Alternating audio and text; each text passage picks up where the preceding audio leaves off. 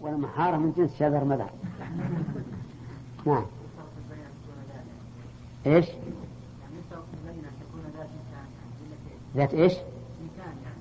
ذات إنسان شلون ذات إنسان؟ آدمي يعني والله ما أعتقد أحد يقول يشترط في البينة أن يكون آدميا إلا تنقصك الكلاب البوليسية ها؟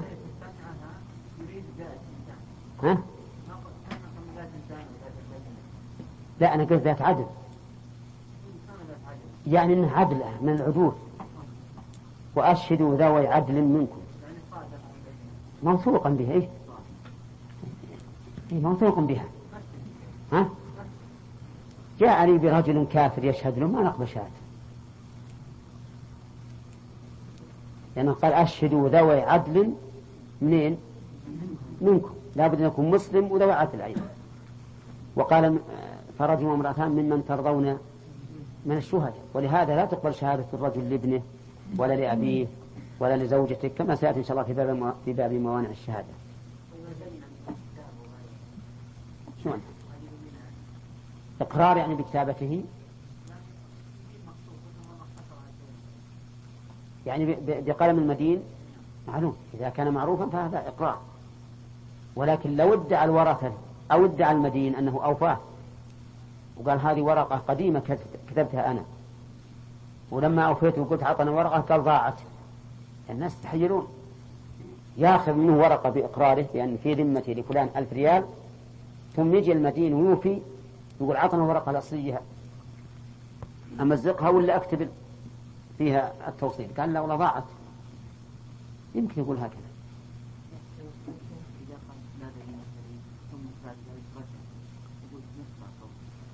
كيف؟ نعم. ثم رجع لا ما يمكن ما يمكن ابدا ما تقبل. إذا قال لا بينة لي. اللهم إلا أن نقيم دعوة جديدة فهذا شيء ثاني. ها؟ إيه على كلام المؤلف نعم. إيه؟ كاذب مو كاذب. البينة مش تشهد؟ لا لازم يكون عدول إذا قدح فيهم المدعى عليه يبين القدح. ها؟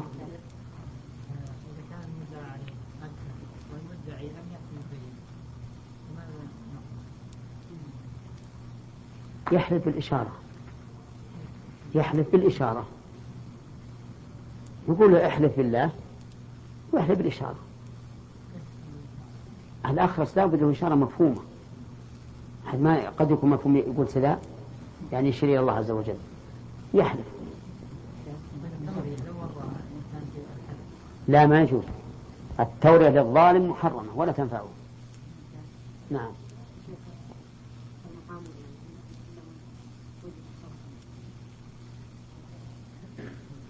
إيه؟ التوكيل في الخصومة؟ إيه نعم لا بأس به.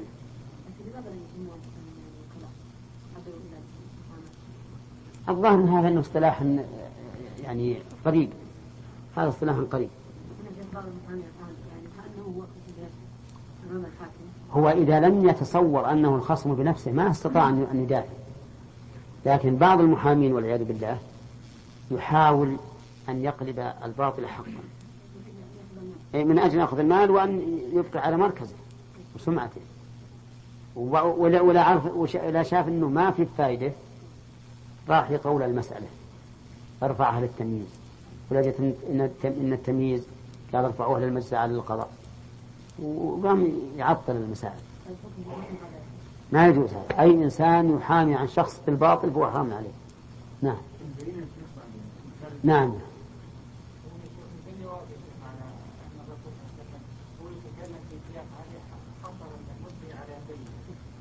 كيف؟ أي حديث؟ نعم البينة على المدعي معناه إذا لم ينكر هذا الشيء. يمكن هذا عموم يخصص لأنه قال البينة على المدعي في حال تكون اليمين على على المنكر واليمين الآن ما أنكر ما حصلت في جانب المنكر. فلما لم تحصل قوي جانب المدعي لأنه أحيانا يتعين على القاضي أن يحدث المدعي أحيانا يعرف أن المدعي مبطل. وكثير من الناس يتخوف جدا من اليمين في الخصومة. لأن اليمين في الخصومة سبحان الله العظيم إذا كانت كاذبة فإن العقوبة أسرع إلى الإنسان من ظله. أبدا. حكى لي إنسان عن شخص خاصمه بباطل والقاضي مشى على على ما تدل عليه السنة في هذا وحلف المنكر وهو كاذب. فقال حسبنا الله ونعم الوكيل. يقول ما بقي يومين إلا صار عليه حادث هو على عياله كلهم. أعوذ بالله. وكما قال بعض السلف قال اليمين الكاذبة تدع الديار بلاقع. بلاقع يعني خالية. تهلك الناس. فكثير من الناس إذا جاء اليمين يخاف. ولا يحلف. نعم. إذا وجدنا قرائن مثلا أدى نيتنا عليه وهذا أنكر. يعني وقال ما عندي بينة. وهذا أنكر ونحن قلنا نكل يعني. إيه؟ نكل. إيه؟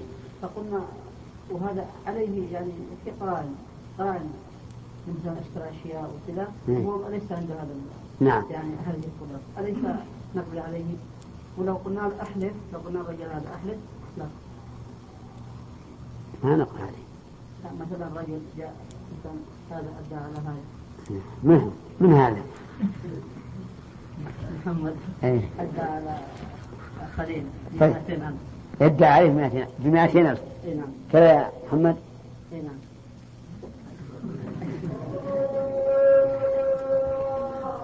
هذا بقى.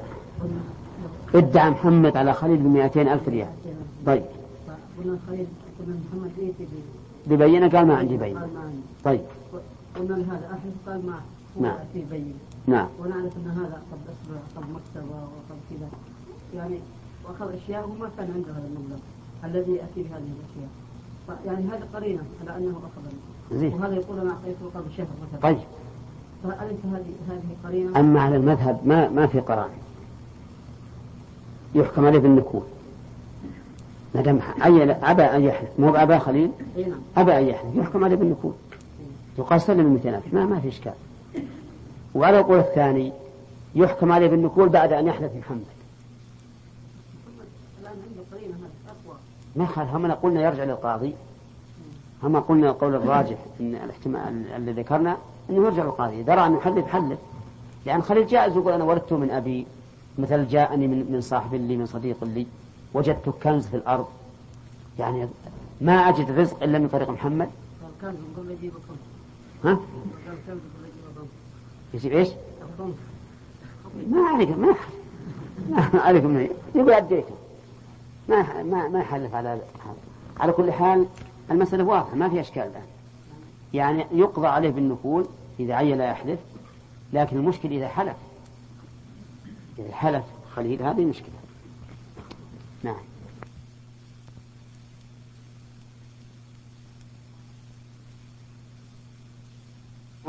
إلا محررة.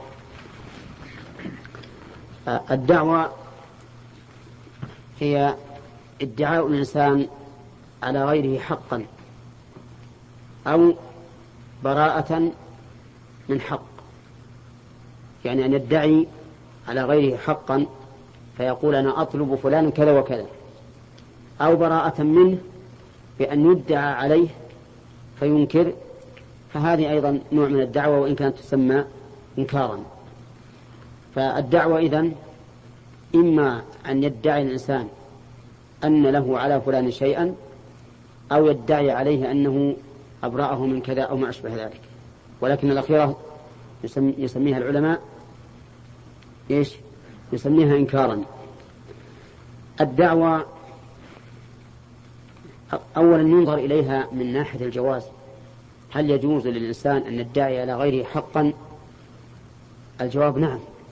إذا كان ثابتا فله أن يدعي على حق أما إذا كان ظلما فإن النصوص كثيرة في عقوبة من ادعى على غيره شيئا باطلا. يقول النبي عليه الصلاة عليه والسلام من اقطع من اقتطع مال امرئ مسلم بيمين هو فيها فاجر لقي الله وهو عليه غضبان. والنصوص في هذا كثيرة. فإذا جازت الدعوة فلا بد لها من شروط. الشرط الأول أن تكون محررة وتحرير الشيء بمعنى تنقيته عن كل شوائب وذلك بأن يذكر جنس المدعى به جنسه ونوعه وصفته وقدره حتى يبقى متميزا ظاهرا. محررا مخلصا من شوائب الجهل. وهذا هو معنى قوله معلومة معلومة المدعى به. فلا يكفي أن أقول أن يقول المدعي أنا أدعي عليه طعاما. هذه دعوة غير مسموعة ولا تصح. حتى يحررها فيقول برا أو رزدا أو ما أشبه ذلك. ولا يكفي هذا أيضا. حتى يقول إنه إن قدره كذا وكذا. مئة صاع مئتي صاع وما أشبه ذلك. ولا يكفي هذا أيضا حتى يضيف إليه ذكر الجودة الوصف. الجودة والرداءة وما أشبه ذلك. فالمهم لابد أن تكون محررة من جميع الجوانب من كل وجه. طيب. لو ادعى عليه بعيرا أدعي عليه بعيرا هكذا. نعم. ما تسمع. لأنها مبهمة. لأنها مبهمة. حتى يبين. فيقول بعيرا آه، رباعية ثنيا وما أشبه ذلك. صفتها كذا وكذا جنسها كذا وكذا حتى يبين ويحرر. هذا ما ذهب إليه المؤلف. وقيل تصح الدعوة غير محررة وتسمع ويسمعها القاضي ويطلب من المدعي تحريرها. يدعي من يطلب من المدعي تحريرها. فإذا قال أدعي عليه بعيرا يسمع ولكن يقول صفة اذكر نوعها جنسها وما أشبه ذلك. وهذا أصح لا, لا سيما في الأمور التي تحتاج إلى دقة وصف. مثل لو قال أنا أدعي عليه أرضا أدعي أن هذا الملك لي. أدعي أن الملك الذي بيده يتصرف فيه لي. تسمع الدعوة. ثم بعد ذلك يطلب من إيش؟ من المدعي أن يحررها ويميزها لأنه لا يمكن الحكم إلا بذلك إلا بتحريرها. طيب. هل هناك دليل؟ استدل الفقهاء رحمهم الله في قول الرسول عليه الصلاة والسلام إنما أقضي بنحو ما أسمع. والقضاء لا يمكن إلا بعد معرفة المقضي به وإلا فإنه لا يمكن القضاء بشيء مبهم. قال المؤلف معلومة المدعى به هذا مع هذا من التحرير أن تكون معلومة المدعى به جنسا وقدرا ووصفا. فإن لم تكن معلومة المدعى به فإنها لا تصح ولا تسمع. والصحيح كما قلنا أنها تصح ويطلب من المدعي أن يحررها لأن القاضي لا يمكن أن يلزم بشيء إيش؟ بشيء مجهول. ولا يتأتى الإلزام بشيء مجهول. قال المؤلف إلا بما نصححه مجهولا كالوصية. فتصح الدعوة به ويحكم القاضي بها ثم يعطى ما يترتب على ذلك. فالوصية تصح بالمجهول تصح بالمجهول. مثل لو أوصى له من ماله بشيء أوصى له من ماله بشيء كلمة بشيء مجهول والوصية عند الفقهاء رحمهم الله صحيحة ولو كان مجهولا. لكن ماذا نعطيه من المال؟ قالوا يعطيه الوارث ما شاء مما يطلق عليه أنه مال. فلو أعطاه درهما من مئة مليون درهم صح؟ لماذا؟ لأنه يطلق عليه الشيء. ولو أعطاه ثوبا من ثيابه صح لأنه يطلق عليه أنه شيء. يظهر عليه أنه شيء. فهذه لو قال أنا أدعي عليه بأنه أوصى لي بشيء. أدعي الورثة بأن مورثهم أوصى لي بشيء. لا يقول القاضي نحن لا نسمع. يقول نسمع الدعوة وإذا أتيت بشهود حكمنا لك بأن لك وصية في ماله. بماذا؟ بشيء. طيب أوصى له بسهم من ماله. أوصى له بسهم بس. يقولون مثل هذا يصح. لكنهم قالوا إنه يعطى السدس بناء على آثار وردت في ذلك أنه إذا أوصاله بسهم من ماله فله السدس. طيب. يقول إلا كالوصية وعبد من عبيده مهرا ونحوه. المهر يصح بالمبهم يصح المهر بالمبهم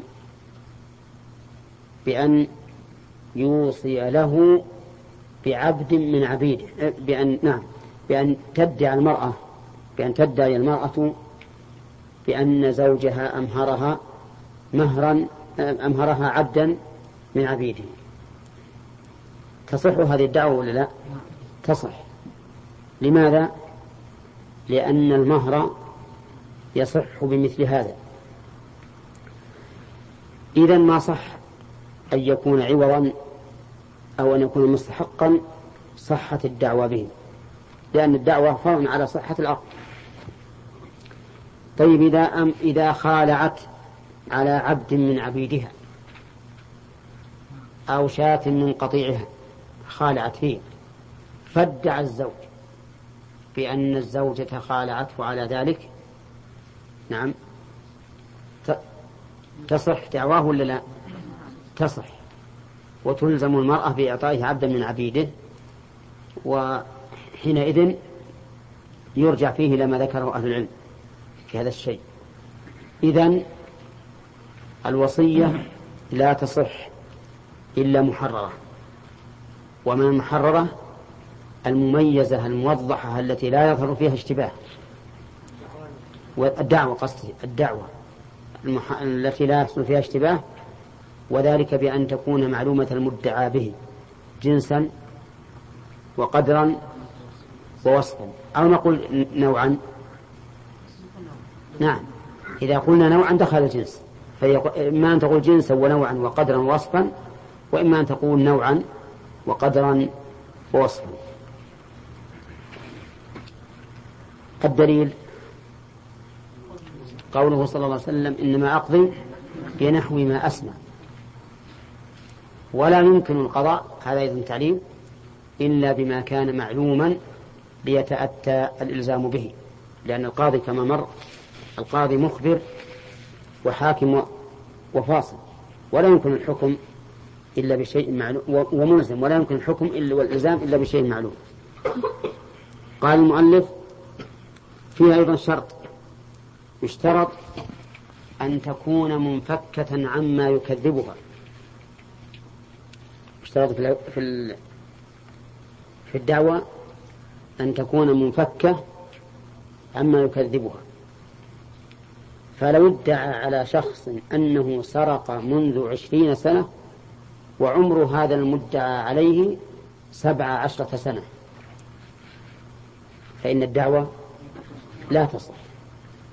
كيف لا تصح؟ ها؟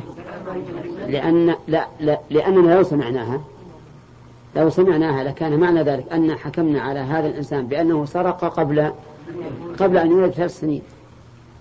وهذا شيء مستحيل. فإذا هذا شرط مجمع عليه.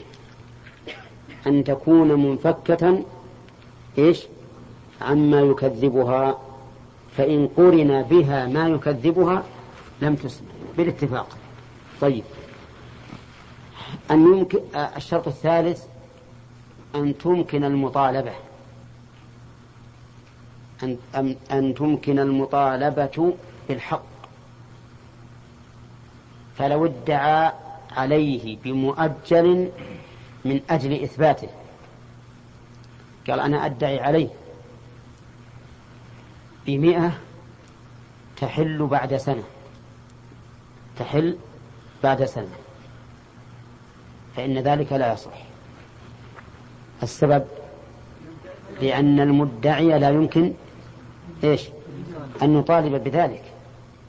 حتى لو ثبت له ما أمكنه المطالبة لأنه مؤجل. إذا ماذا يقال له؟ يقال اصبر حتى يحل ثم بعد ذلك ادعي عليه وطالب. أما قبل أن يحل فإننا لا نسمع منك هذا الدعوة هذه الدعوة لأن حقك لو ثبت الآن لم يمكن تمكنك المطالبة به. واضح يا جماعة؟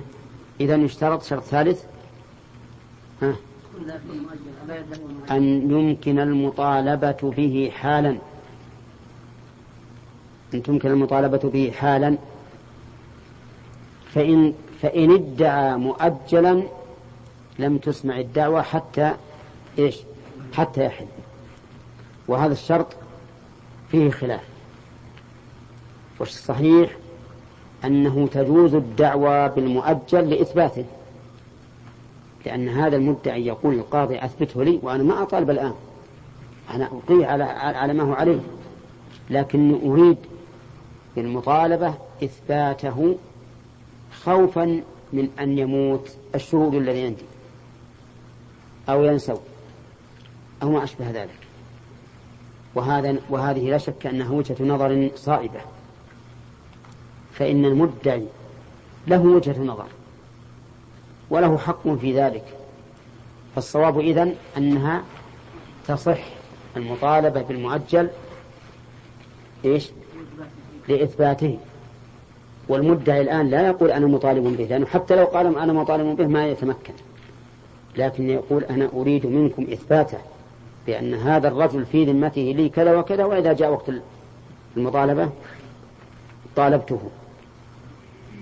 الشرط الرابع ذكر ذكر السبب ذكر سبب الاستحقاق. فلا تصح الدعوة بدون ذكر السبب. وهذا أيضا محل وفاق. فلو ادعى الإرث وقال أنا وارث هذا الرجل الميت. طيب وش, علاقتك به؟ وش به؟ قال بس أنا وارثه أدعي أني أنا مستحق ماله بالإرث. فإننا لا نسمع الدعوة. وإلا لكان كل واحد يجي إذا إذا خبر أن شخصا ليس له وارث وعنده ملايين جاء يركض. يقول أنا وارثه. نقول لا بد من ذكر السبب. قال أنا وارثه لأني عمه لأني أخوه.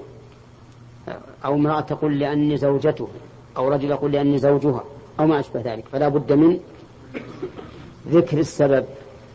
فإن لم يذكر السبب لم تصح الدعوة. طيب. لو قال قائل اسمعوها واطلبوا السبب نعم؟ لكان هذا وجيه وجيها. نقول نعم صحيح أن أنه لا بد من ذكر السبب ولا يستحق إلا بذكر السبب. لكن جعلنا ذلك شرطا في سماع الدعوة فيه نظر. فيه نظر. وإن كان بعض الفقهاء قالوا إن هذا لا نزاع فيه لكن ينبغي أن, أن, أن يكون فيه نزاع. لأن نقول اذكر نعم. نقول نسمع الدعوة ثم نطالبه بالسبب. أما لو جاء قال أنا وارثه كنا بسرح قدم بأنك أنت وارثه بسبب أنك تتصل به من, من الناحية الفلانية من قرابة أو نكاح أولا الخامس ذكر الشروط. ذكر الشروط. فلو ادعى عقد بيع أو إجارة أو نكاح أو غير أو وقف أو غير ذلك فلا بد من ذكر الشروط.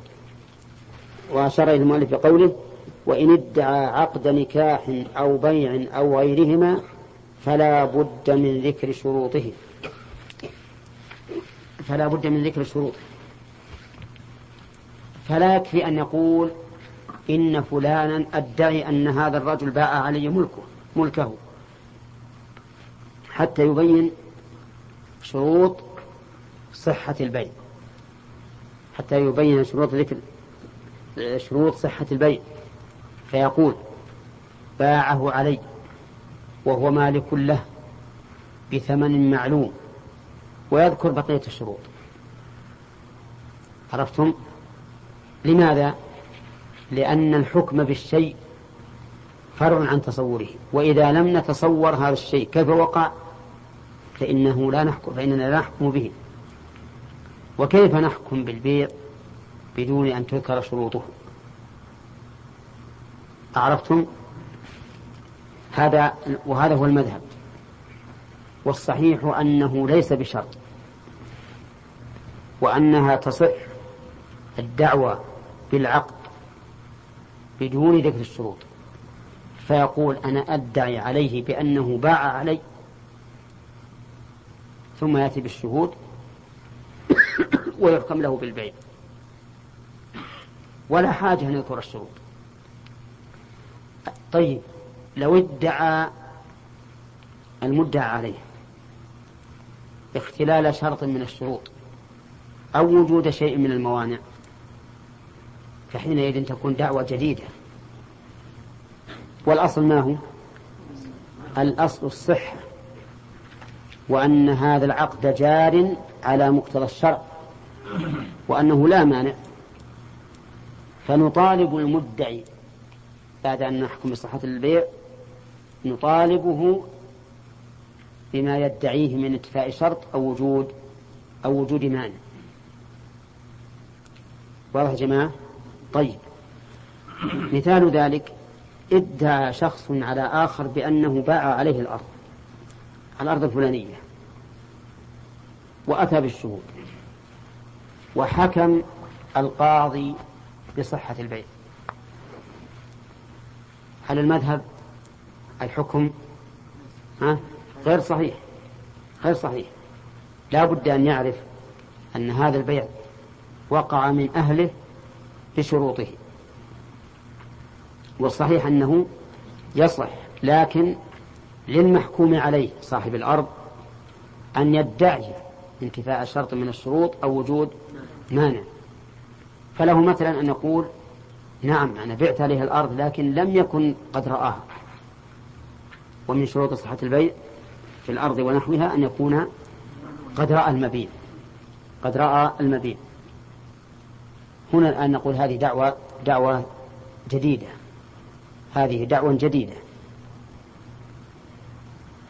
فما هو الأصل؟ الصحة أو الفساد حتى يقوم دليل الصحة؟ الصحيح وهو المذهب أن الأصل الصحة حتى يقوم دليل الفساد. فنقول البيع تم والأصل فيه الصحة ولا يمكن أن ينقض. لا يمكن أن ينقض. كذلك لو ادعى وجود مانع قال نعم أنا بعت عليه لكن بعد أذان الجمعة الثاني. والبيع بعد الأذان بعد أذان الجمعة الثاني ممن تزمه الجمعة لا يصح. فقال نعم أنا أقر بالبيع لكن وجود مانع نقول هذه دعوة جديدة والأصل إيش؟ الصحة وعدم وجود المانع. المهم أن هذا الشرط الخامس في الدعوة. مختلف فيه.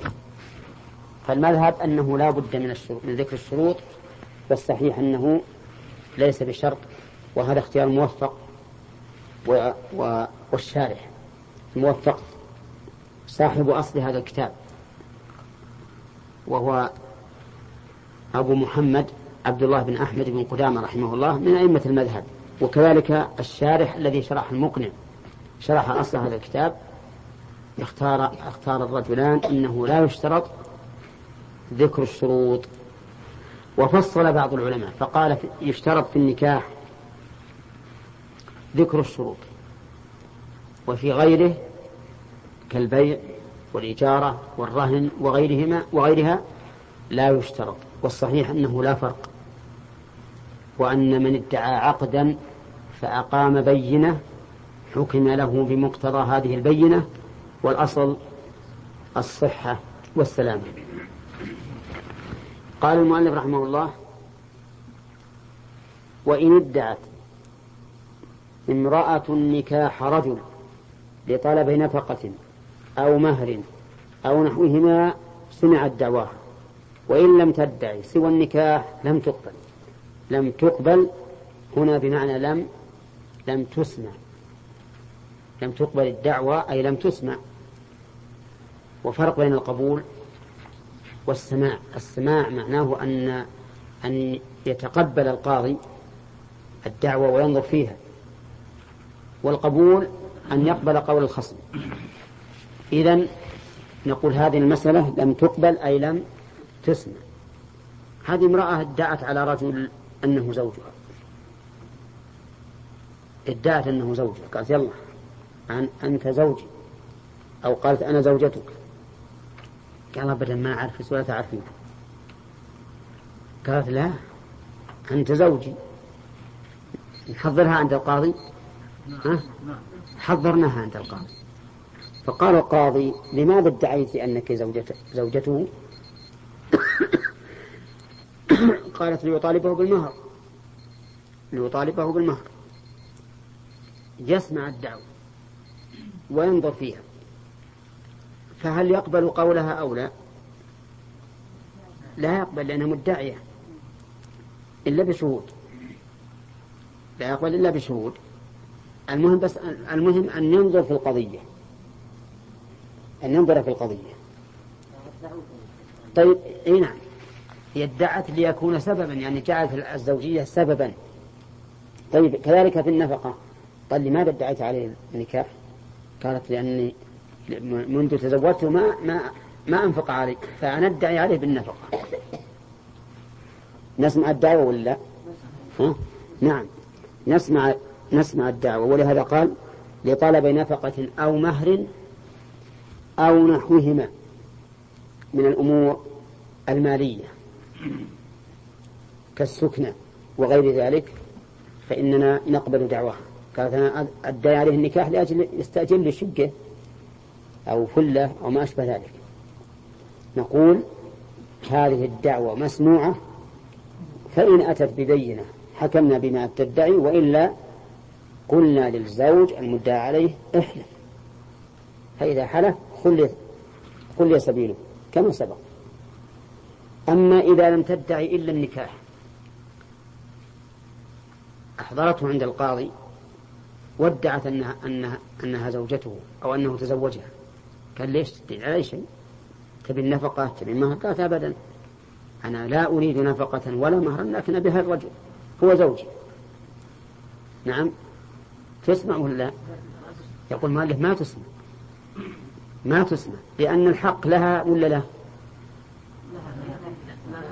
لو, لو كان لها سمعت. الحق له. هو اللي يطلبه لو كان زوجته. امرأة تلقى واحد بالسوق وتعال عن زوجي. يلا القاضي مشكلة هذه. فهي, فهي إذا لم تدعي سوى النكاح فقط أنه زوجها فإنها لا تسمع دعواها. قالت أنا ما أريد نفقة ولا أريد مهرا ولا أريد سكنا ولا أريد قسما ولا شيء أبدا أنا أريد بس أن تثبتوا أنني زوجة هذا الرجل. نقول لا نسمع الدعوة لأن الحق في النكاح ها؟ للزوج هو الذي يطالب وهو الذي يختار المرأة ويعقد, ويعقد له عليها. ولكن في هذه الصورة لو قالت أنا أدعي عليه أن يفارقني أنا ما أبي له مهر ولا نفقة ولا غيره لكن أنا زوجته أدعي بذلك لأجل أن يفارقني. فهل تسمع الدعوة ولا لا؟ نعم تسمع. وهذه غريبة. ادعت شيئا لتفر منه. ادعت الزواج من أجل الفراق. لأنها تقول هو الرجل الآن لا يقول بأني زوجته. ولا يعترف بأني زوجته لكن أنا أريد أن أن يطلقني. لأني أعتقد أني زوجته وإذا كنت أعتقد أني زوجته لا يمكن أن أتزوج. نعم وأنا امرأة أريد الزواج. فنقول في هذه الحال تسمع الدعوة ويؤمر الزوج بالطلاق. يقول الحمد لله. طلق.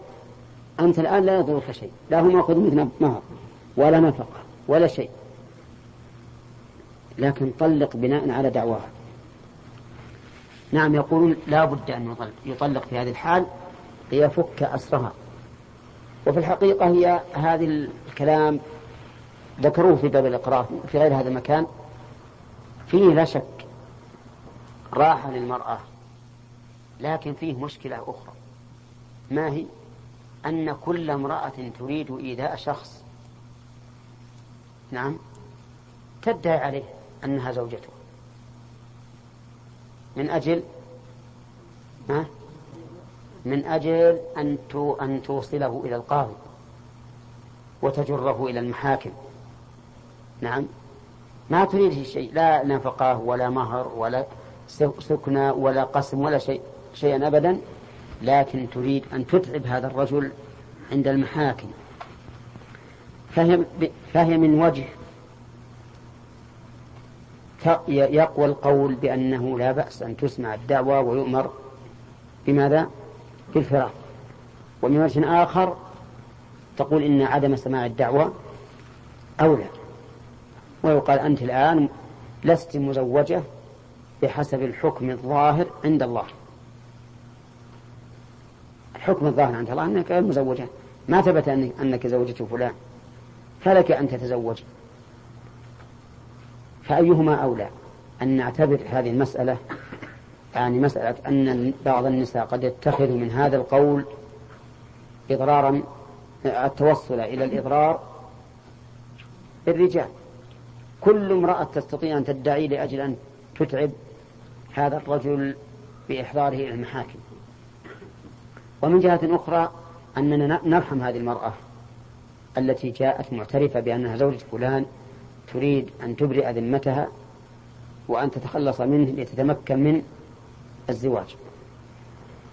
إذا قارنا بين بين المصلحة والمصلحة فإننا نرى أن الأقرب أن يلزم الزوج في هذه الحال بالفراق. واحتمال أن يكون قصدها الأذى وارد لكن أيضا احتمال أن تكون زوجته حقا. وارد ولا غير وارد؟ وارد. ودفع هذه المضرة أعظم من دفع الأولى والتي هي الأذية. وهذا الرجل نقول إذا كانت هذه المرأة قصدها الأذية فإنها لا شك سوف تجد عقابها إما في الدنيا وإما في الآخرة. أما أنت ففك خلاصة لأن, لأن احتمال صدقها وارد. الخلاصة الآن إذا ادعت المرأة أن فلانا زوجها هل تسمع الدعوة أم لا؟ فيه تفصيل. إن كان لأمر مالي نعم سمعت كالمهر وش بعد؟ والنفقة والسكنى وغير ذلك. إن كان لمجرد أنها زوجته فإنها لا تسمع دعواها. ولكن لو طلبت أن يحكم أن يلزم بالطلاق فلها ذلك من أجل أن تتخلص من هذا الأمر التي هي تدعي أو تقر بأنها زوجته. يعني إلا ما, ما نحكم بصحته. يعني يجوز يجوز يعني قص المؤلف رحمه, رحمه الله. يقول إلا الشيء الذي نصححه نحن العلماء. يعني نصححه يعني نحن العلماء. يعني إلا ما يحكم بصحته مع جهالته. لماذا يعني لا يكون ينظر للفرائض؟ قد تكون امرأة تريد أن تظهر به الرجل تزوج امرأة أخرى. اشترط عليه عليه ألا يتزوج غيرها نعم. فهذه المرأة سمعت به, به وذهبت للقاضي لكي تفسد عليه حياته نعم. فذهبت تدعو هذه الدعوة. نعم. فإذا قلنا طلقها الآن فسدت عليه زوجتها الثانية. على كل حال هذه مسألة نعم واردة. فلا القاضي في مثل هذا في هذه الحال إذا علم من قرائن الأحوال أن المرأة كاذبة. أن المرأة كاذبة. فله أن ينصرف يصرف النظر عن هذه الدعوة. يقول أنا ما دام ما ثبت عندي أنها أنه قد تزوجك فلا أحكم عليه بإلزامه بالطلاق. بعدين قد يكون يعني يعني قد يكون باين عليه يعني ليس من أهل الطلاق لا ينظر حتى أقول لا مانع في هذا الحال أن ننظر للقرائن يعني لو وجد القاضي قرينة قوية تؤيد أن دعوى المرأة كاذبة فله أن يصرف النظر. نعم. لا أظن حسين. ما هو حسين؟ أحمد. يا شيخ لو اشتهر أن هذه المرأة بغية تريد مثلا أن تبرع نفسها وتطلب الطلاق من هذا الرجل؟ ملزمة مثل ما قال يعني لو فرض أن هذه المرأة معروفة بالبغي وأنها تريد هذا علشان تنفي التهمة عن نفسها فله الحق أن يعرض عن سماع الدعوة. نعم؟ طيب. نعم؟ كيف؟ القاضي مش من حقه يطلب بينة إيش؟ عقد زواج عقد بينة إيه؟ عن ادعاء المرأة من أي مرأة تدعي أن هذا الرجل زوجها بدون بينة إيه؟ بدون شهود في ربما تدعي الكلام على هل يسمع ولا لا ربما تدعي ذلك وتدعي ان الشهود غير حاضرين أو انهم ماتوا يا مو على كل حال العقد هذا ما حصل الا أخيرا وثائق العقود أخيرا ها دعوة صارت وما مرت علينا لا سي مرت علينا. ها؟ مرت علينا. وقلنا المذهب إنها لا تسمع والصحيح أنها تسمع لأجل يتبرأ منها. وهذه مسألة النكاح تشبه الدعوة تقبل لا إذا ادعى نكاح امرأة تسمع ما فيها شك. يعني يدعي حقا له. نعم. ما يعرفون شروط البيع ما نلزم القاضي انه إذا حاجات مساله البيوع يعني يحقق المساله بنفسه ويسأل عن شروط البيع أبد أبد ولا نلزمه لأن هذا لو- لو, أردنا أن نلزمه لكن مشكلة. في تعب للقاضي لكن ال- الخصم إذا ادعى فقد شرط. إذا ادعى فقد شرط. أو وجود مانع نظر فيه. طيب ورا ما يقول المدعى عليه؟ نعم. أنا بيت عليه لكن في شهادة لو ادعت المرأة آه، على شخص أنه زوجها فطلبت الطلاق هذا الرجل. هل؟ لا ما ترى أنا ما أقر طلق. نعم. طلق. كيف طلع أمر القاضي أن يطلق. اي نعم. ما يلزم لا أبدا هذا بس من أجل أن تحل الأزواج فقط. وعدم السماع أن أن السماع يلتفت القاضي لها وينظر في قضيتها. وأما عدم السماع فلا فلا يلتفت إليها ويصرف النظر عنها.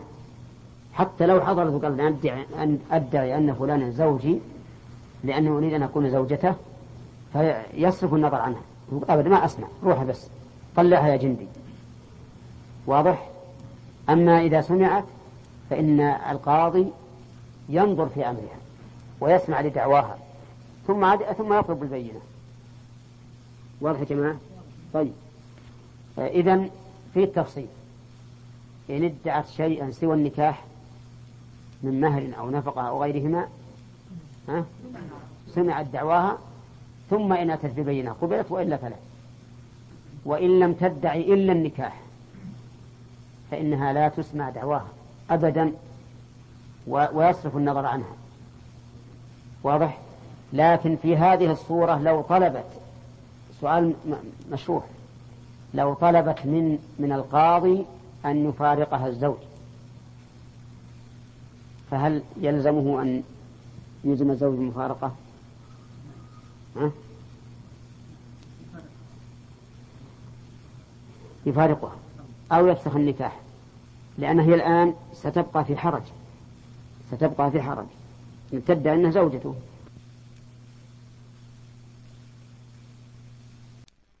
تدعي أنها في عصمة رجل. فل- فل- فلينفي الضرر عنها يقال للزوج طلقها أو, أو يفسخ النكاح. وإن كان الطلاق فرع عن صحة النكاح لكن من أجل دفع الضرر عنها يؤمر بالفراق. طيب. ثم قال المؤلف رحمه الله وإن ادعى وإن ادعى الإرث ذكر سببه. هذا من كتاب درس اليوم. إن ادعى الإرث يعني بأن قال أنا وارث فلان. فلا بد من ذكر السبب. وأسباب الإرث ثلاثة القرابة والنكاح والولاء فلا بد أن يقول أنا وارثه لأنني قريبه. ولا بد أن يذكر جهة القرابة. نعم إن كان هناك مدع آخر. يعني لو كان رجلان كل منهم يقول أنا قريب فلان فلا بد في الدعوة أن يذكر جهة القرابة. فيقول أنا عم أخ ابن أخ وما أشبه ذلك. إن لم يكن له منازع يكفي أن يقول إيش؟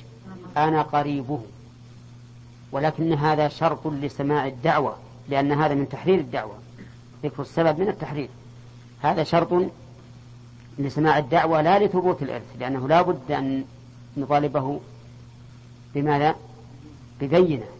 تشهد بأنه قريب لهذا الرجل. طيب ادعى الإرث لأنه زوج. ماتت امرأة فجاء رجل فقال أنا وارثها. طيب بأي سبب؟ قال بالزوجية. فإن قال أنا وارثها فقط فإننا لا نسمع دعواه حتى يعين السبب.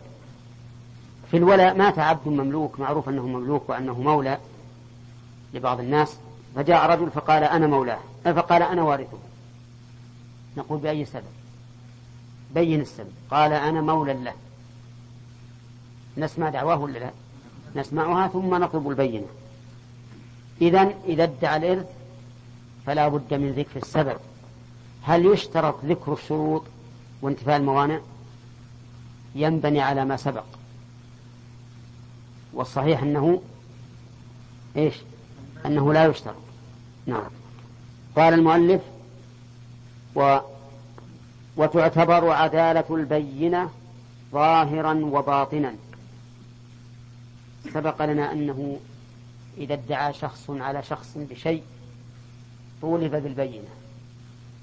البينة في الشرع كل ما أبان الحق وأظهره فهو بينة.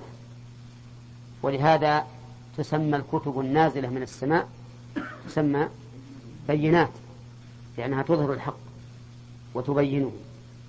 كذلك أيضا في باب القسامة اللي مر علينا في باب الجنايات في كتاب الجنايات تسمى العداوة الظاهرة. ها؟ الأوثان وبينة ولهذا يكتفى فيها بيمين المدعين. فالبينة كل ما أبان الشيء وأظهره فهو بينة. لكن البينة في الأموال أو في دعوى الأموال رجلان أو رجل وامرأتان أو رجل ويمين المدعي. في الأموال البينة فيها رجلان.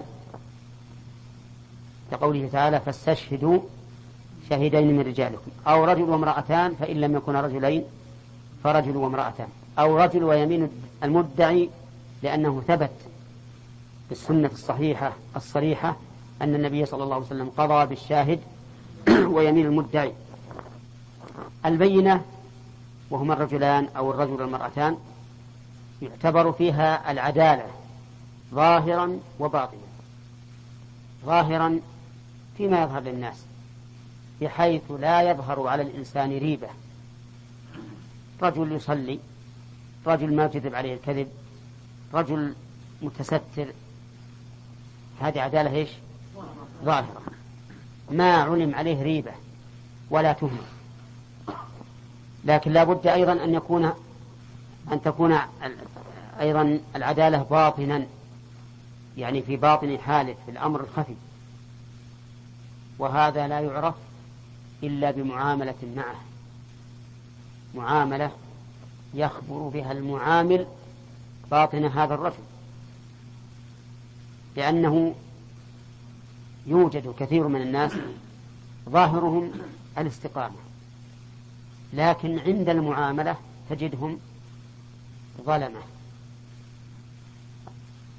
غششة كذبة يحلفون الأيمان الكاذبة من أجل الدنيا وهذا كثير فلا بد من العدالة ظاهرا وباطنا.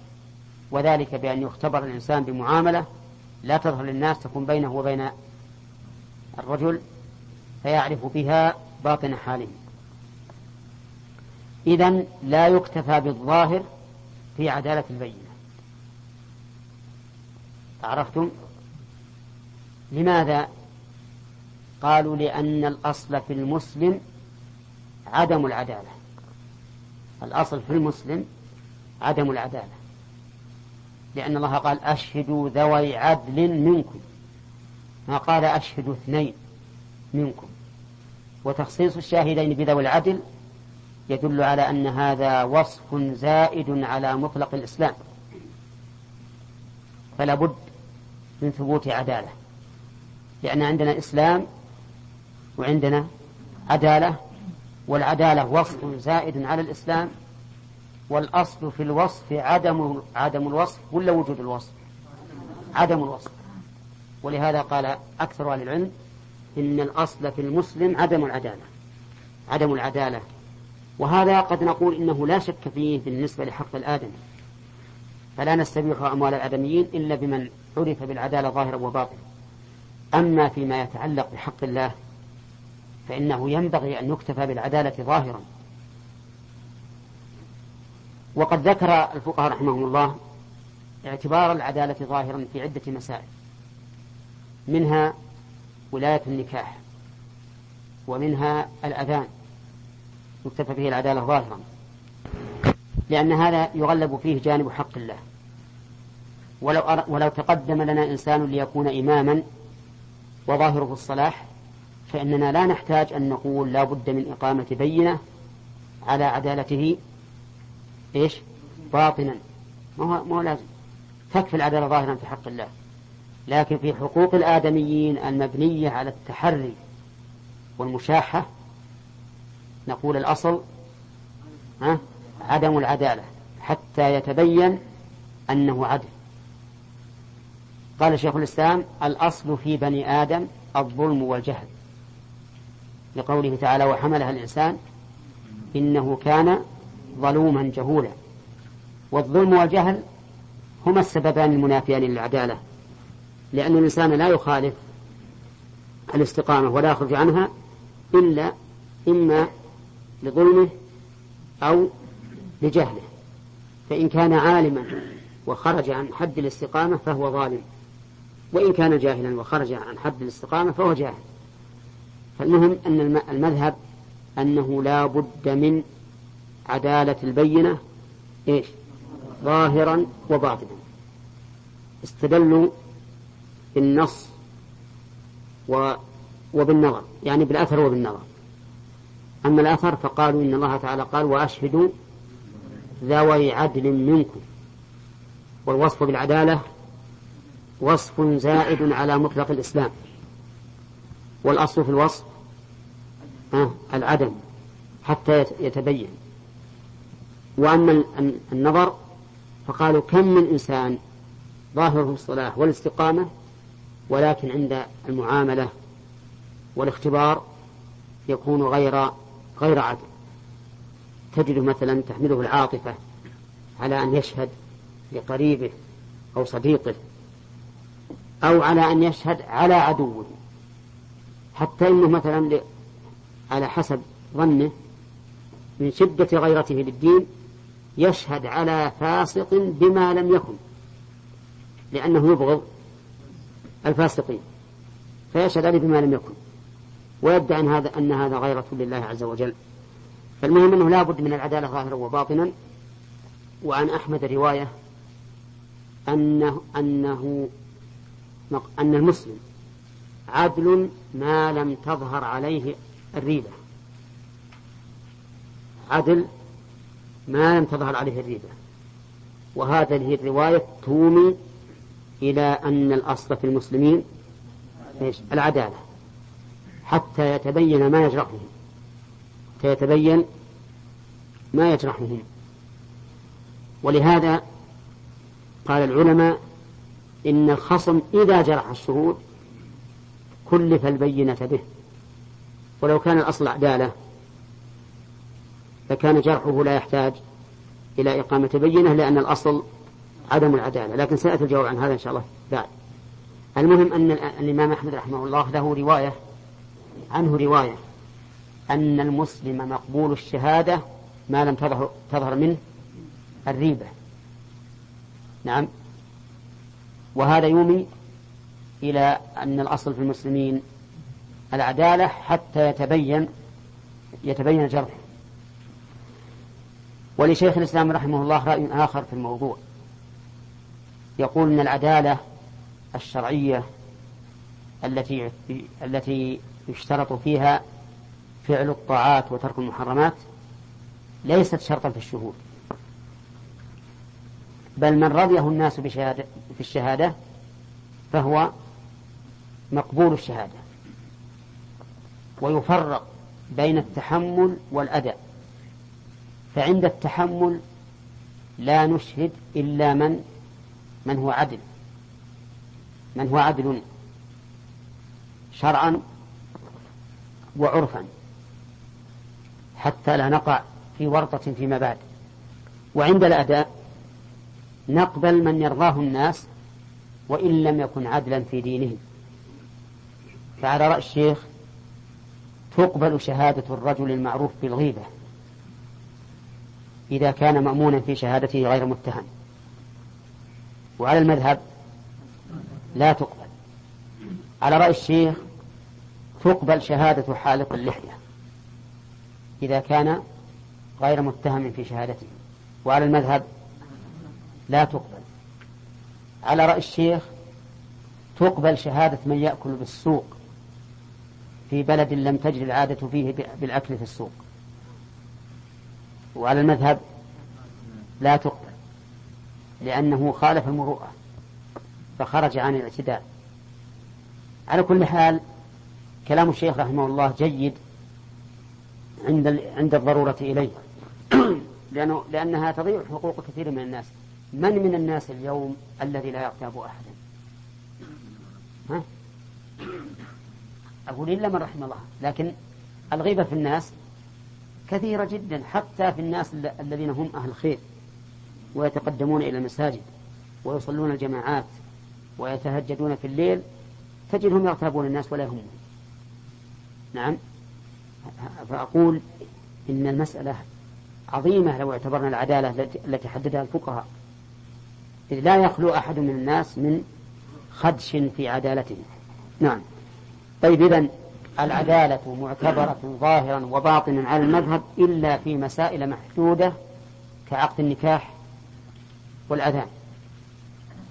و وعلى القول الثاني المعتبر العدالة ظاهرا فقط إذا ك... إذا لم يكن ها متهما بريبة. إذا لم يكن متهما بريبة فإن كان متهما بريبة فلا تقبل شهادته حتى يتبين زوال هذا هذا الاتهام.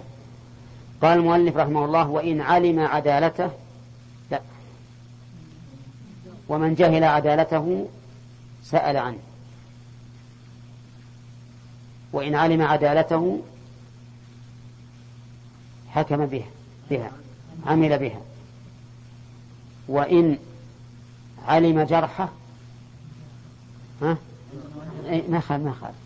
إن علم جرحه لم يعمل به. أحوال الشهود عند القاضي ثلاث. الحالة الأولى أن يجهل عدالة الشهود. وإلى هذا أشار المؤلف بقوله ومن جهلت عدالته سأل عنه. سأل عنه. إذا كان الشهود غير معلوم العدالة. فإنه لا يجوز للحاكم أن يحكم بشهادته ولا أن يرد شهادته. ماذا يصنع؟ يسأل ويبحث. يسأل ويبحث. وقد ذكر الفقهاء رحمهم الله أنه ينبغي للحاكم أن يرتب من يسألون عن حال الشهود. يعني يجعل له لجنة. همهم وشأنهم البحث عن حال الشهود. ليكون هذا أيسر وأسرع في الحكم. في عهدنا في عهدنا الآن لا يوجد هذا هذا. لا يوجد. لكن يمكن للقاضي بطرقه الخاصة أن يسأل عن حال الشهود إذا جهل عدالتهم الحالة الثانية أن يعلم عدالته. قال وإن علم عدالته عمل بها.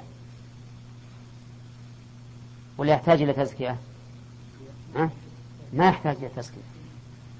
ولهذا يعني من من اللغو أن يشهد الرجلان يعرف القاضي عدالتهما ثم يقول شهد فلان وفلان بكذا وكذا وزكاهما فلان وفلان. وربما يكون المزكين أو المزكون أجهل عند القاضي من, من الشاهدين وأظلم وأفسق. نعم. لكن هذا أصبح عملا روتينيا مثل العدد في الصلاة.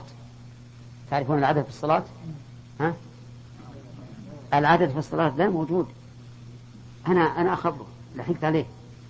إذا صارت بعد صلاة الفجر وانتهى الناس من التهليل والتسبيح بدأوا يعدونه فلان اليوم موجود.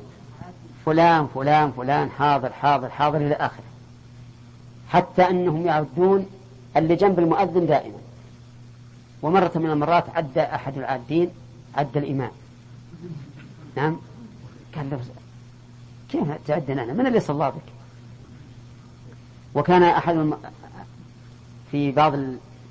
يعني حدثني أناس كثيرين مشهورة. كان الناس في الأول يعدوا ما عندهم سرج.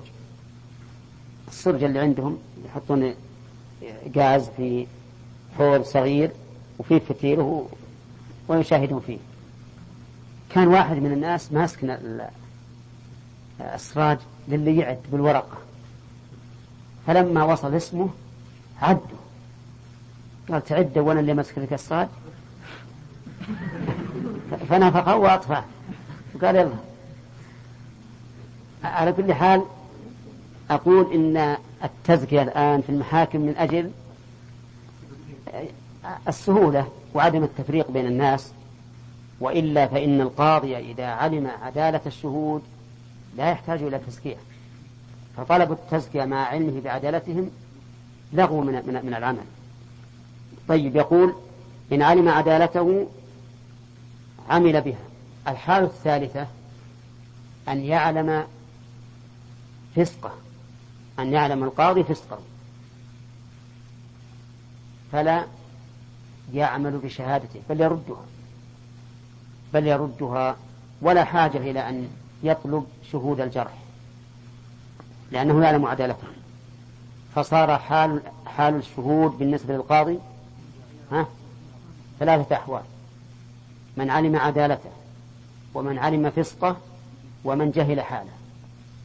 إن علم عدالته عمل بها وحكم. إن علم فسقه ردهم إن جهل سأل عنه. وهذه إحدى المسائل الثلاث التي يحكم فيها القاضي بعلمه.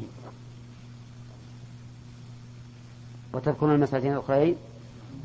المسألة الثانية إذا استفاض الأمر واشتهر بحيث استوى القاضي وغيره في علمه. والمسألة الثالثة ما كان في مجلس الحكم.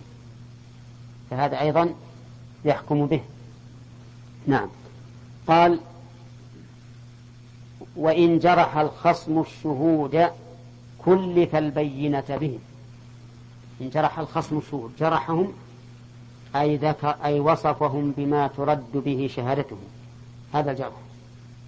جرحهم أي وصفهم بما ترد به شهادتهم. بأن قال هذا يشرب الخمر. هذا يسرق. هذا يزني. وما أشبه ذلك مما ترد به الشهادة كلف البينة به. أي ألزم بإقامة البينة. ألزم بإقامة البينة لسببين. السبب الأول حماية لأعراض الناس حتى لا يستطيل أحد على أحد بالجرح والسب. والثاني من أجل رفع الحكم أو من أجل منع الحكم بشهادة هؤلاء الشهود. صح؟ لماذا يكلف البينة؟ لسببين السبب الأول حماية لأعراض الناس حتى لا يتطاول الناس بعضهم على بعض.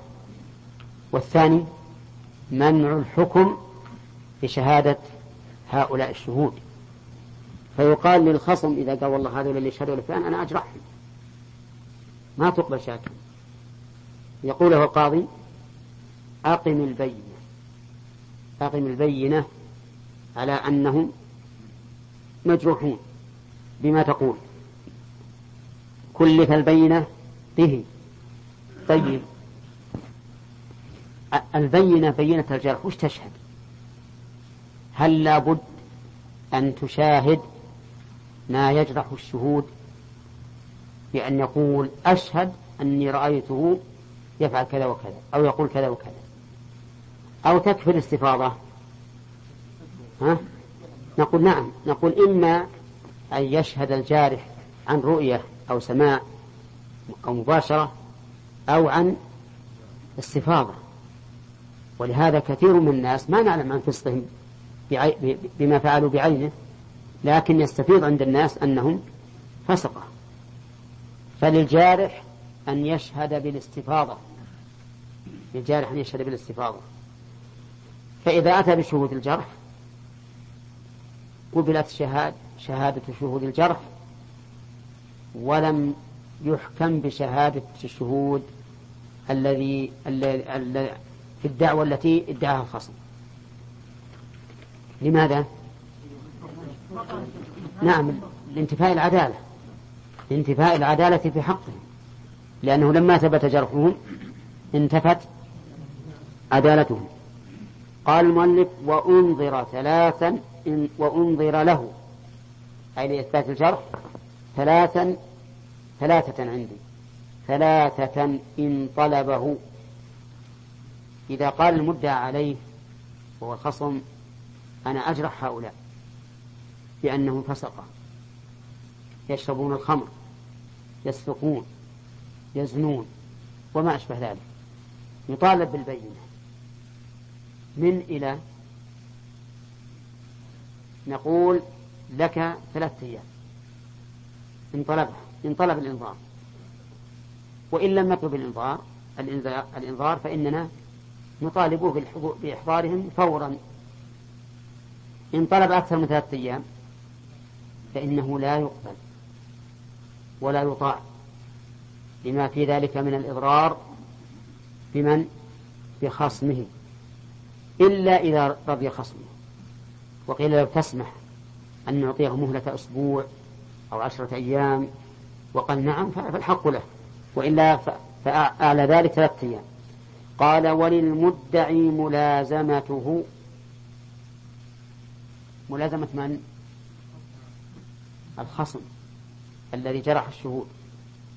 للمدعي أن يلازمه. إيش معنى يلازمه؟ أن يبقى معه لا ينفك عنه. يروح يروح معه يتابعه يتابعه. إذا خرج المسجد يمشي هو وياه يصلي جنبه. إذا راح للبيع والشراء يروح وياه. إذا راح للمدرسة مثل لو كان في الجامعة طالب. نعم يروح وياه. يجلس إلى جنبه في الكرسي. إذا دخل بيته. يقف عند الباب. أي نعم. لماذا؟ قالوا لئلا يهرب. لأنه يمكن أن يدعي الجرح ويقول هؤلاء المجروحون فيهم كذا وكذا من الفسق. ثم ينظر ثلاثة أيام وإذا خرج من المحكمة بتله ما عاد يلقى يختفي. فللمدعي أن يلازمه. الملازمة في الحقيقة سهلة ولا صعبة؟ صعبة جدا.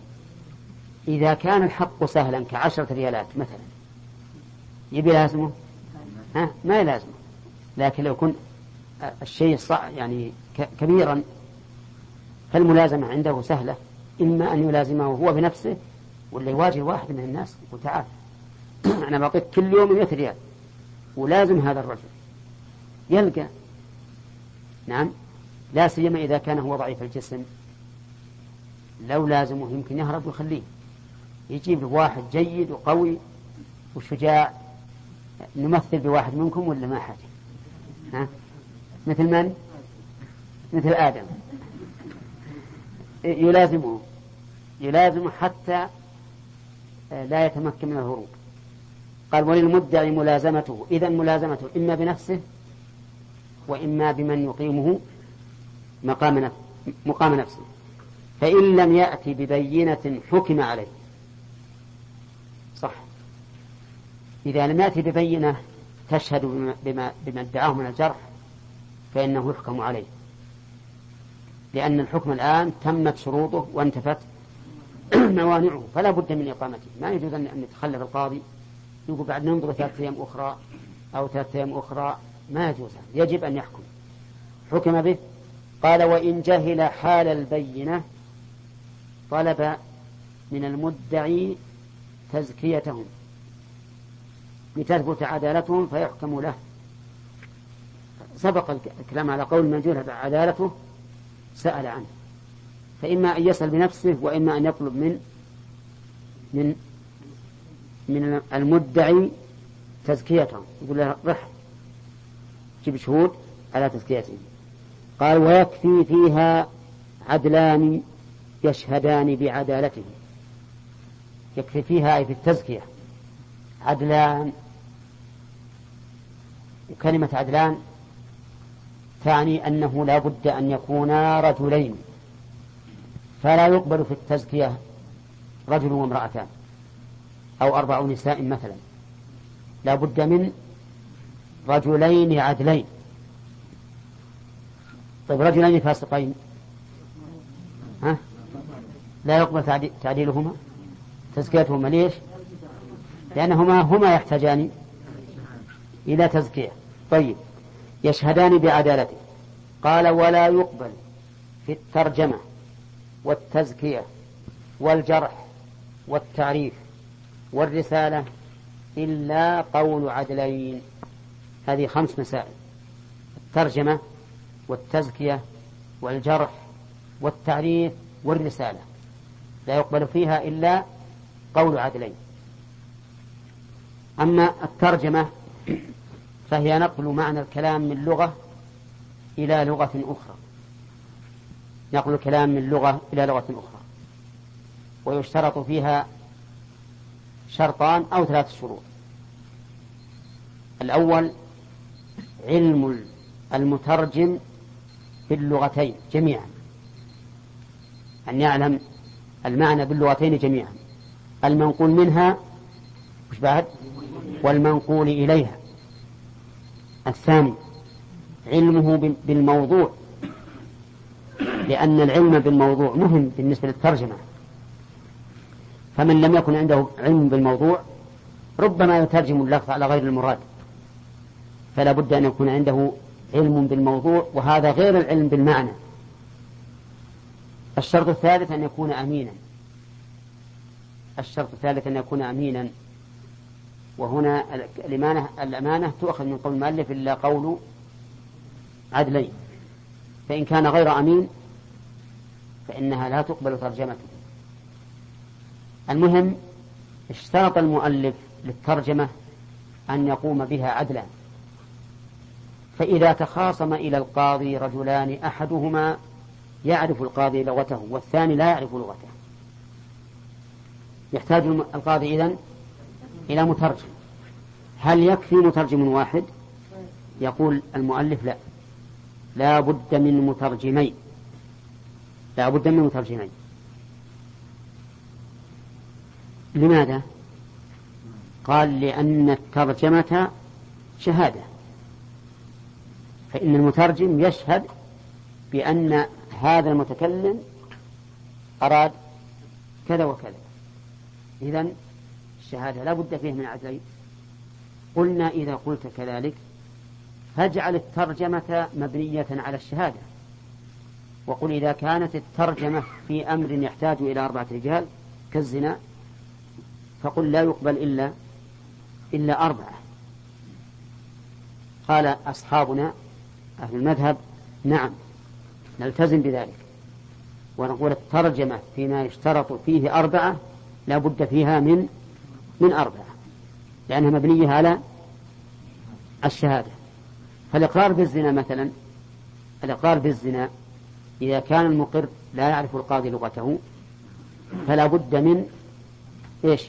من أربعة مترجمين يترجمون إقراره ليثبت عند القاضي. كما أن الزنا لا يثبت إلا بأربعة شهود. وهذا هو المشهور من المذهب. والذي مشى عليه المؤلف قول على خلاف المذهب. لأن المؤلف رحمه الله مشى على أن الترجمة يكفي فيها قول عدلين مطلقا حتى فيما لا يقبل فيه إلا شهادة أربعة. لأن الترجمة شهادة ليست على الفعل الذي لا بد فيه من أربعة بل شهادة على شيء لا بد من ثبوته. ثبوت هذا القول. وثبوت هذا القول يحصل بماذا؟ بشهادة اثنين. انتبهوا لكلام المؤلف. المؤلف يرى أن الترجمة وإن كانت في أمر لا بد من شهود أربعة يكفي بها عدلان. لماذا؟ قال لأن الترجمة ليست شهادة على الفعل بل شهادة يقصد بها إثبات هذا القول الصادر من المقر. وإثبات القول يكفي فيه يكفي فيه عدلان يكفي فيه عدلان وما ذهب إليه المؤلف أقرب مما ذهب مما من المذهب. فيه قول ثالث لبحر العلوم شيخ الإسلام ابن تيمية. يقول يكفي في الترجمة واحد فقط لكن بالشروط الثلاثة اللي ذكرنا العلم باللغتين وبإيش؟ وبالموضوع والأمانة. يقول لأن الرسول صلى الله عليه وسلم اتخذ مترجما واحدا في أمور عظيمة هامة. مثل اتخذ زيد بن ثابت رضي الله عنه مترجما للكتب الواردة من اليهود والصادرة إليهم فإن الرسول عليه الصلاة والسلام أمر زيد بن ثابت أن يتعلم لغة اليهود وتعلم لغة اليهود في ستة عشر يوم. ستة عشر يوم. يعني الواحد يتعلم الحروف الهجائية في اللغة الإنجليزية. كم يقعد؟ لا لا مو ستة شهور. لا يقعد عشرة أيام يلا يعرفها نعم. لكن يتعلم اللغة. إلا أن شيخ الإسلام يقول سبب ذلك أن اللغة العبرية قريبة من اللغة العربية. قريبة من اللغة العربية. فلذلك سهلت على زيد بن ثابت. على كل حال يرى شيخ الإسلام رحمه الله أنه يكفي في الترجمة قول عدل واحد وهذا الذي ذهب إليه هو الصحيح. فصار في المسألة ثلاثة أقوال. المذهب أنها مبنية على الشهادة والقول الثاني يكفي فيها قول عدلين والثالث قول واحد. طيب أفادنا المؤلف أنه ينبغي للإنسان أن يتعلم لغة غيره. مما تدعو الحاجة إلى تعلمه. فالقاضي إذا كان في أمة فيهم أناس كثيرون لغتهم غير عربية وهو عربي ينبغي له أن يتعلم لغتهم ليعرف خطابهم بنفسه. لأنه مهما كان الإنسان ثقة لا يمكن أن تكون ثقتك به كثقتك بنفسك. أليس كذلك؟ طيب إذا ينبغي أن تتعلم اللغة. إذا كنت في قوم مختلط فيه ناس لغتهم غير اللغة العربية. أما تعلمها أي اللغة غير العربية بدون بدون حاجة فهو من إضاعة الوقت. كما أنه يترتب عليه الميل. الميل إلى قوم هذه اللغة إلى أصحاب هذه اللغة الميل إلى أصحاب هذه اللغة. وأما إذا إذا اعتاد التخاطب بها وأغفل اللغة العربية فهذا إما مكروه وإما محرم. فتعلم اللغات غير العربية إذا كان لحاجة لا بأس به. إذا كان لغير حاجة فهو لغو. وإضاعة وقت ويخشى منه محبة أصحاب هذه اللغة. إذا كان ليستبدل به اللغة العربية نعم فهذا إما مكروه وإما محرم. والأول المباح قد يجب أحيانا كما إذا كان تعلم هذه اللغة وسيلة إلى إبلاغهم دين الله فإن التعلم حينئذ يكون واجبا. لأن ما لا يتم الواجب إلا به فهو واجب. ما بعد انتهى الوقت.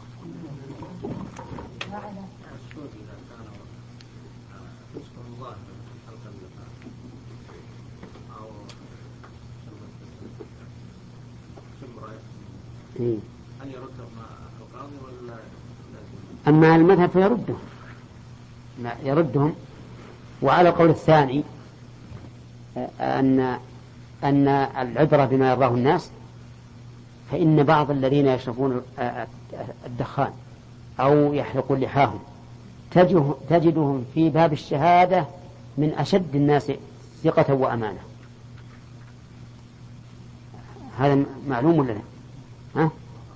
لا مشاهد لا ما هو نادي إي نعم نعم نعم هو هو على كل حال موجود. أنا أعرف واحد. غفر الله له. يشرب الدخان مبتلا به. لكنه مستقيم في دينه وخلقه وتهجده ومبادرته إلى المسجد ومعاملته أيضا. أنتم ت- ستقولون واحد من كم؟ ها؟ لكن لا هم ملايين ما ملايين إلا بمكة. على كل حال أنا هذه المسألة يعني لا قد يكون هشا في دينه خصوصا مسألة ال- الذي ابتلى به الناس على مسألة الدخان وحلق اللحية. لكنه في مسألة الشهادة ما يمكن يكذب أبدا. فإذا قلنا بأن بأن المرجع إلى ما يرضاه الناس كما اختار شيخ الإسلام ابن تيمية في مسألة الأداء استرحنا. والله أنا أعتقد لو تنخل الناس الآن المنخل هل تجد واحد سالم من الغيبة؟ الظاهر لي أنا والعلم عند الله. إنه أصل ما هي ظاهر؟ يعتبر عدالة بين ظاهرا وباطنا أعتقد والله أعلم أنه يمكن عشرة في المئة يسلمون. ها؟ أكثر؟ إيه. إيه. هذا أجل يكون ما يرتكب معصية. ها؟ هل من شروط العدالة أنه ما يرتكب إيه إيه. معلوم أن لا يفعل كبيرة ولا يسر على صغيرة ها؟ كل المعاصي. الصحابة عدول لأن لهم من, من السوابق والفضائل ما يوجب مغفرة ما صدر منهم. كما مر في العقيدة. ونقبل نأخذ درس جديد. ولا يقبل في الترجمة والتزكية. تزكية يعني نسبة الشيء إلى الزكاء. والذكاء هو العدالة. وضده الشقاء. وهو الفسق. التزكية معناه أن ينسب الإنسان إلى الزكاة فيقال هذا زكي. التزكية لابد فيها من عدلين على كلام المؤلف. وعلى المذهب حسب ما حسب الشهادة. إن كان شهد في أمر لا بد فيه من أربعة فلا بد في التزكية من من أربعة. وعلى قول الثاني اختار شيخ الإسلام أنه يكفي فيها واحد لأن التزكية تعريف بحال المزكي. ما هي شهادة؟ تعريف بحاله. فإذا زكي كفى بذلك واحد ثم يحكم بشهادته. التزكية مثل أن يقول فلان عدل فلان ثقة وما أشبه ذلك. فإن قال لا أعلم عليه إلا خيرا. لا أعلم عليه إلا خيرا. ففي كون هذا تزكية قولان لأهل العلم. منهم من قال إن هذا ليس, ليس بتزكية لأنه نفى علم الشر. ونفي العلم لا لا يدل على العدم. فهذا الرجل الذي قال لا أعلم إلا خيرا نقول صحيح وما يعلم إلا خيرا. ولكن قد يكون هذا الذي قيل فيه لا نعلم عليه إلا خيرا يعمل شرا لا يطلع عليه هذا الذي قال فيه لا نعلم عليه إلا خيرا. فلا تكون تزكية لأن المزكي يشترط فيه شروط سنذكرها إن شاء الله تعالى. وقال بعض العلماء إنها تزكية تزكية اعتبارا بظاهر الحال. ولعل هذا الخلاف لعله يومئ إلى الخلاف فيما سبق. هل الأصل في المسلم العدالة أو الأصل عدم العدالة؟ وسبق الخلاف في هذا. أما إذا قال ثقة أو مقبول الشهادة أو أو عدل أو ثبت أو ما أشبه ذلك فهذه تزكية بلا شك. طيب يشترط في المزكي أن يكون أمينا. فإن لم يكن أمينا فإن تزكيته لا تقبل لأنه هو نفسه.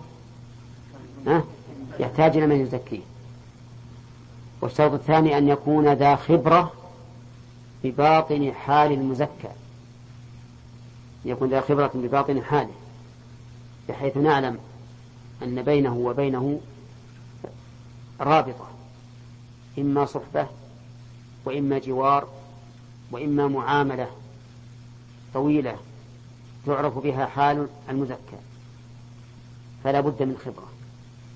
وهل يزكي بالاستفاضة؟ الجواب نعم له أن يزكي بالاستفاضة.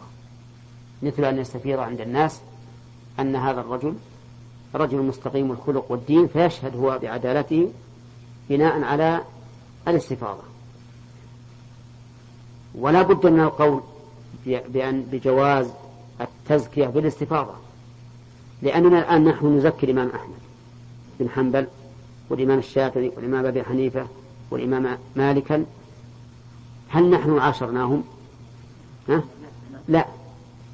ما عاشرناهم ولا صاحبناهم ولكن بالاستفاضة. أمر مستفيض. حتى لو ما راجعنا كلام الناس فيهم فإنهم عندنا ثقات عدول بناء على على الاستفاضة. فصار الآن يشترط في المزكي أن يكون أمينا وأن يكون ذا خبرة بباطن حال المزكي. إلا أن يشهد أو إلا أن يزكي بناء على الاستفاضة فيكفي أن يكون هذا الشيء مستفيضا عند الناس. طيب ولا بد أيضا في الجرح لا بد في الجرح من عدلين. يشهدان بجرحه الجرح نوعان. نوع مفسر ونوع مجمل. مبهم. الجرح المبهم أن يقول فلان فاسق. فلان غير مقبول الشهادة. وما أشبه ذلك. هذا جرح مبهم. وجرح مفسر أن يقول فلان يشرب الخمر مثلا. فلان يشرب الخمر أو فلان يزني أو فلان يغش الناس أو فلان يغتاب الناس. هذا جرح مفسر. الجرح بنوعين لا يقبل إلا من ثقة. لابد أن يكون أمينا وأن يكون عالما بحال المجروح أي ذا خبرة بحاله أو شاهدا